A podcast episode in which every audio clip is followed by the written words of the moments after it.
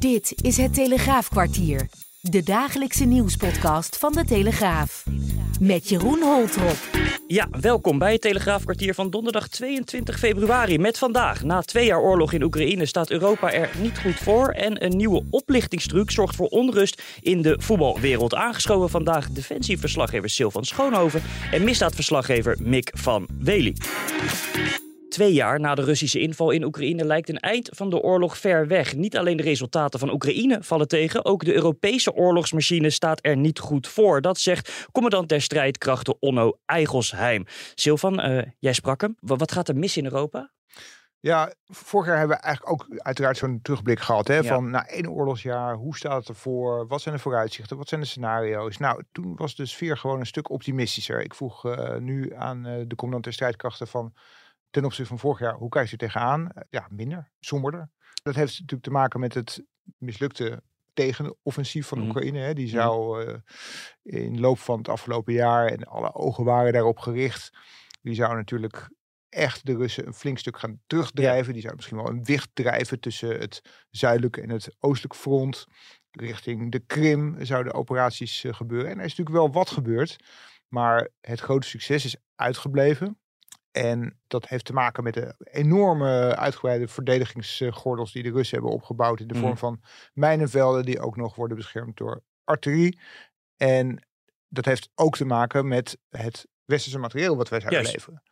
Want dat blijft een beetje uit. Nou ja, het hele vorig jaar stond natuurlijk in het teken van de tanks die zouden komen, de Bradleys, de Leopard 2's, mm uh, allerlei vormen van raketafweer, uh, luchtdoel. Uh, er zouden een miljoen, een miljoen granaten geleverd worden, ja. was een keer stuk. En dat is niet gelukt. En dat is eigenlijk wel heel pijnlijk, want voor het vervolg is, is dat van cruciaal belang. Want we zagen eerst dat Rusland fout op fout stapelde. Hè. Dat, dat was eigenlijk het verhaal van het eerste oorlogsjaar. Ja. In het tweede oorlogsjaar heeft Rusland duidelijk zaken op orde gebracht, heeft lessen getrokken en heeft nu recent ook echt de oorlogsmachine aangezwengeld. Ja. Rusland heeft een oorlogseconomie waarbij alles in het teken staat van produceren, produceren, produceren. Want hoeveel uh, produceert uh, Rusland? Hè? Wat lukt er daar wel, wat hier niet uh, lukt? Een van de meest verontrustende zaken is natuurlijk dat zij ook gewoon nu openlijk zaken doen met Iran en Noord-Korea. Oh ja. Voor de levering van Shahed-drones en raketsystemen dat zou allemaal niet zo erg zijn als wij daar maar tegendruk aan kunnen bieden vanuit het Westen met wapenleveranties aan Oekraïne. Yes. En daar gaat het nu mis in die zin dat je, ziet nu de steun voor wapenleveranties dat stagneert. Er worden nog wel miljarden deals gesloten voor steun. Maar zelfs al is er geld, het materiaal moet er ook zijn. Ja. Dus ja, je kan een heleboel dollars hebben, een heleboel euro's hebben. Ja, maar je hebt, je hebt, niks aan dollars en euro's, je hebt iets aan patronen. Ja, want dat las ik in het stuk inderdaad, dat wij in principe wel het geld hebben. Ook wel de bereidheid uh, nou ja, en, de industrie dus, maar dat de industrie mist investeerders. Ja, nou daar kwam ik gisteren op in het gesprek met de commandant der strijdkrachten. En ik zei van, uh, waar ligt het nou aan? Hè? Mhm. Want wij willen wel, dat geld ligt klaar. Maar we krijgen niet die aantallen op orde die nodig zijn om goede tegendruk te bieden aan de Russische opmars. Juist. En hij zei van ja, ja, je moet het toch bij de industrie zoeken. Het is niet zo dat de politiek het niet wil. Goed, we zijn natuurlijk langzaam geweest, dat is een feit. Maar er gaat iets mis aan de industriële kant. Er wordt wel opgeschaald. Hij zei van ik zie echt ook wel hoopgevende zaken. Ik zie bijvoorbeeld dat het Duitse Rijnmetal heeft de productie verdubbeld. Ik zie dat de, de Nooren zijn heel goed bezig. Uh, in Tsjechië mhm. wordt de productie enorm opgedraaid. Dus er tekent zich wel iets af. En het vliegwiel begint wel te draaien, maar het is nog niet volledig op toeren. En dat is dan omdat er onvoldoende investeerders zijn? Ja, een gebrek aan investeerders. De truc is, want wij kunnen wel bestellen, maar een fabriek kan dat niet leveren. Om dat te kunnen leveren moet een fabriek investeren in een extra, extra capaciteit. Hè? Dus meer lopende banden, zeg maar, kort gezegd. Maar dat kunnen ze niet betalen met het bedrag wat wij betalen aan munitie. Eh, Juist. Daar hebben ze een investeerder voor nodig. Juist. En daar gaat het ook nog mis. En dat is het, het bekende verhaal van banken en verzekeringsmaatschappijen die enorme koudwatervrees hebben oh, gehad jarenlang om hun geld te steken in defensie, omdat dat besmet en vies en verdacht was. En dat begint nu wel te kantelen, zegt de commandant der strijdkrachten. Die zegt van ja, we zijn echt in gesprek met de banken die pensioenfondsen. En die zijn echt wel bereid om hier hun taak in, in te nemen. Want die investeerders zijn nodig.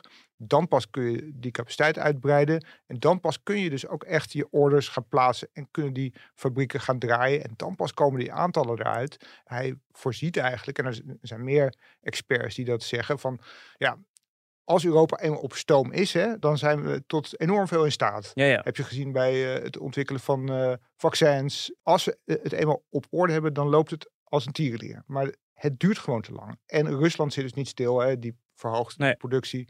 Ja. Dus de vraag is, kunnen we Oekraïne nog lang genoeg overeind houden Mhm. tegen die Russische druk? Want die zijn nu op verschillende punten, vijf, vier, vijf punten aan het front, zijn die behoorlijk aan het drukken. Met recent het eh, verlies van Ja. Afdivka. Ja, ja. En houden we ze genoeg tegen om die tijd eh, te kunnen overbruggen die het nog duurt voordat de Europese oorlogsindustrie volledig op stoom is gekomen? Hoeveel tijd heeft dat nodig om de Europese oorlogsmachine volledig eh, op stoom te krijgen? De commandant denkt ongeveer een jaar. We zijn bezig om het, om het op te starten. Die investeerders worden gevonden. Die fabrieken die komen op stoom. Hm. Maar binnen een paar maanden heb je dat nog niet. Daar is echt wel een, wel een jaar voor, nodig. Ja, ja. Ondertussen. En in die tijd gebeurt er nog veel meer. Hè. Er wordt ook eh, gekeken naar de gezamenlijke productie van drones. Juist. eh, waar Nederland ook een rol bij Ja. gaat spelen. Want ja, ja, Nederland Ja. schuift zichzelf eigenlijk naar voren als een drone-producerend land. Ja. Een miljoen drones voor Oekraïne. Dat zou een mooi vooruitzicht zijn. Want daarmee kunnen ze tegenwicht bieden aan de ongeveer 300.000 Mhm. drones die zij Ja. de andere kant op kunnen sturen. Kan Nederland op termijn niet gewoon, gewoon zelf wapens en munitie produceren? Nou, daar is het vorig jaar veel over gegaan. Van, eh, er moet, we moeten weer een Nederlandse munitie-industrie hebben. We moeten gewoon onze eigen patronen kunnen maken. Onze eigen granaten, onze eigen raketten en dergelijke. Er was ook een ondernemer die daarvoor stond te popelen. We, we hebben hem veel gesproken. Geert Zonder van. Die stond helemaal klaar. Die heeft het geld. Die heeft fabrieken. Die, die stond te popelen om aan de slag te gaan. Maar die raakte gefrustreerd door de gebrekkige steun die hij daarvoor kreeg vanuit, vanuit de overheid. En hij is nu eigenlijk eh, teleurgesteld en verbitterd. Mm. Omdat het, ja, het is hem gewoon niet geworden. En het gaat ook niet gebeuren. De keuze die is gemaakt van, we gaan niet zelf het wiel uitvinden. Niet zelf een fabriek neerzetten. We gaan het allemaal Europees doen. We gaan het doen bij de fabrieken die er al staan. Juist. Die gaan we uitbreiden. We gaan niet zelf nog een fabriekje neerzetten ergens eh, in Noord-Groningen. Juist. Om het eh, zelf En- te doen. Dat en- duurt gewoon te lang. Juist, en dan zeg jij ervan eh, dat de commandant denkt dat dat binnen nou ja, over een jaar wel daar kan zijn, hè? dat het eh, op orde is. Hoe staat dat in relatie tot die 2% die je overal hoort hè, van het BBP, dat je dan per NAVO-land aan defensie moet uitgeven? Bedoelt hij dat? Nee, want, want dat gaat dus over de hoeveelheid geld die landen Mhm. vrijmaken überhaupt voor het op orde brengen van een defensie. Dus Ja. hun eigen voorraden, maar Ja. dus ook de voorraden naar ja, een partij als Oekraïne. Ja.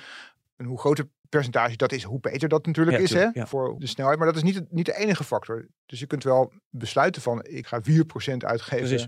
voor defensie. Maar als de fabrieken niet kunnen produceren, ja, dan zit je dus met je geld. Met geld kan je niet schieten. Plus dat ik las dat, dat hij er zelfs aan twijfelt dat als je aan die 2% zou komen, of dat überhaupt genoeg is. Nou ja, de CDS zegt, eh, zoals veel andere landen ook, hè, zoals Polen, die zit op 4%. Die plaatsen enorme hoeveelheden Ja. orders, ook in Zuid-Korea bijvoorbeeld. Die koopt F-35's, die koopt Patriots, die koopt enorme hoeveelheid panzervoertuigen, luchtafweer, van alles en nog wat. HIMARS ook. En die zit dus aan 4% van het eh bruto binnenlands product. En eh, wordt daarmee een van de stevigste NAVO Ja, ja. legers eigenlijk. En dat is toch heel verbazend als je natuurlijk kijkt naar de rol die Polen altijd, altijd Ja, ja. gespeeld heeft. Hè. Dat was natuurlijk toch een soort ontwikkelingsland waar Ja. wij eh, spullen naartoe moesten sturen omdat ze het daar zo krap hadden. Maar zij, zij groeien uit eigenlijk tot een van de krachtigste hoeders over de Europese veiligheid. Ja. Heel opmerkelijk.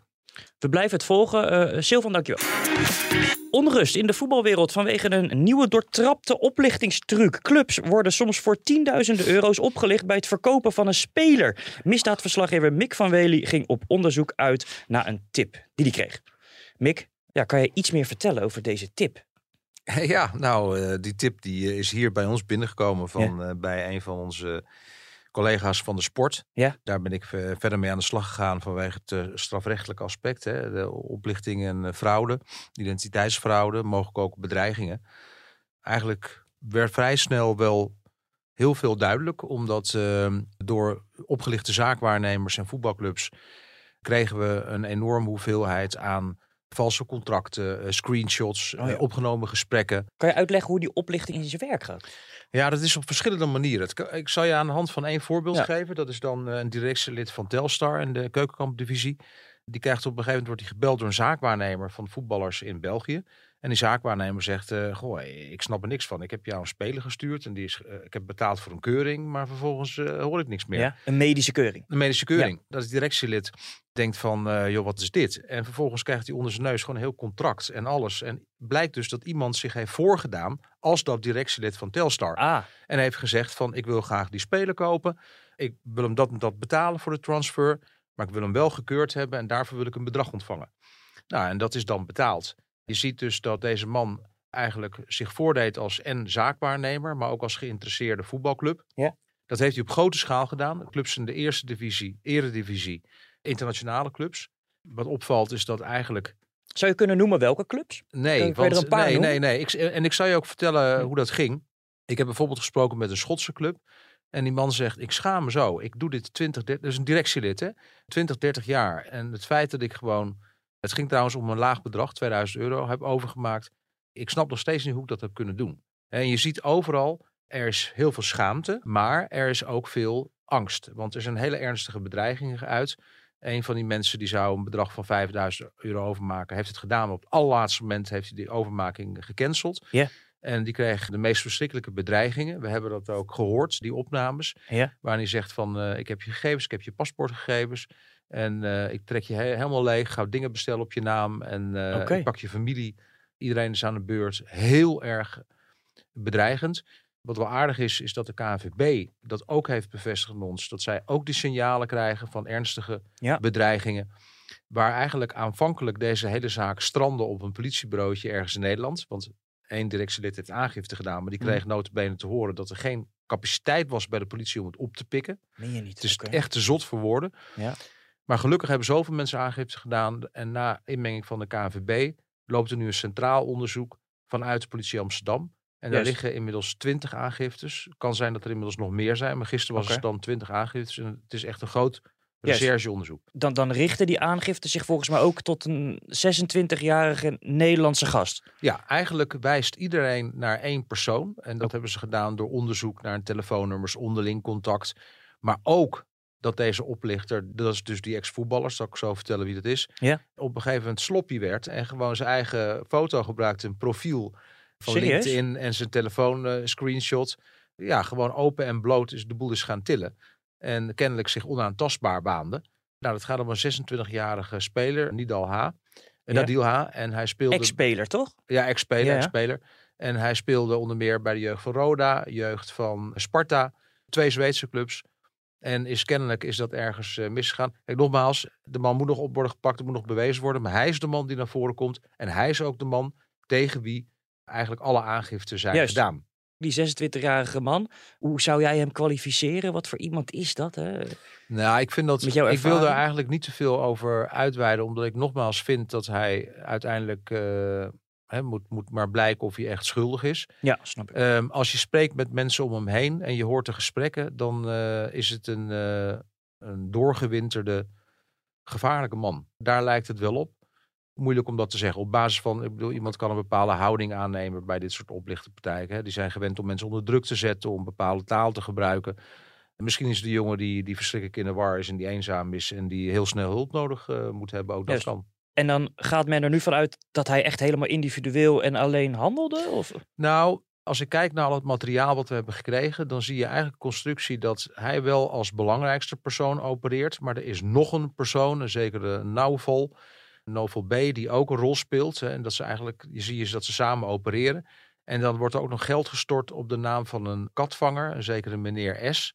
Daar wordt dan geld op gestort. Dus het lijkt erop alsof het meerdere mensen zijn. Ja. Ik moet zeggen dat, dat die zaak nog steeds groeit. We worden via via bereiken ons steeds weer andere zaakwaarnemers. Nu weer iemand uit Polen, een, een club. Een club uit Zwitserland.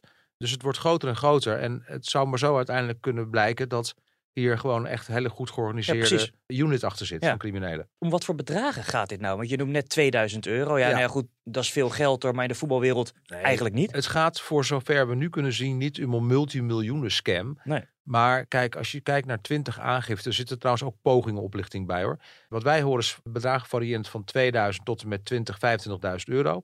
Nou, heb je het dan over 20 aangiften, als daadwerkelijk daar wordt meegenomen, dan loopt dat al richting een miljoen. Maar daar is nog geen zinnig woord over Nee. te zeggen. Nee. En ik denk ook dat deze zaak niet zo zich heel erg kenmerkt door de enorm hoge bedragen, als wel dat het in Nederland bijna alle clubs heeft geraakt. Zeker in de eerste divisie. Gisteren bracht Dag van Noorden naar buiten dat ook FC Groningen bijvoorbeeld is, Ja. eh, is benaderd. Dus het is heel groot, het is internationaal. En dat er toch heel veel angst zit bij zaakwaarnemers en voetbalclubs vanwege die doodsbedreigingen. Voelt als een zaak die je nog lang gaat volgen en, en die steeds groter eventueel wordt. Zeker, en maar het is een hele leuke zaak ook aan te werken, omdat er zoveel bewijsmateriaal is. Hè, in de zin van opgenomen gesprekken, de screenshots. Je ziet de modus operandus heel, heel goed, hoe hij te werk ging. Het feit ook dat eh, de KNVB het zo serieus neemt, dat er nu ook een, eh, een groot onderzoek is gestart.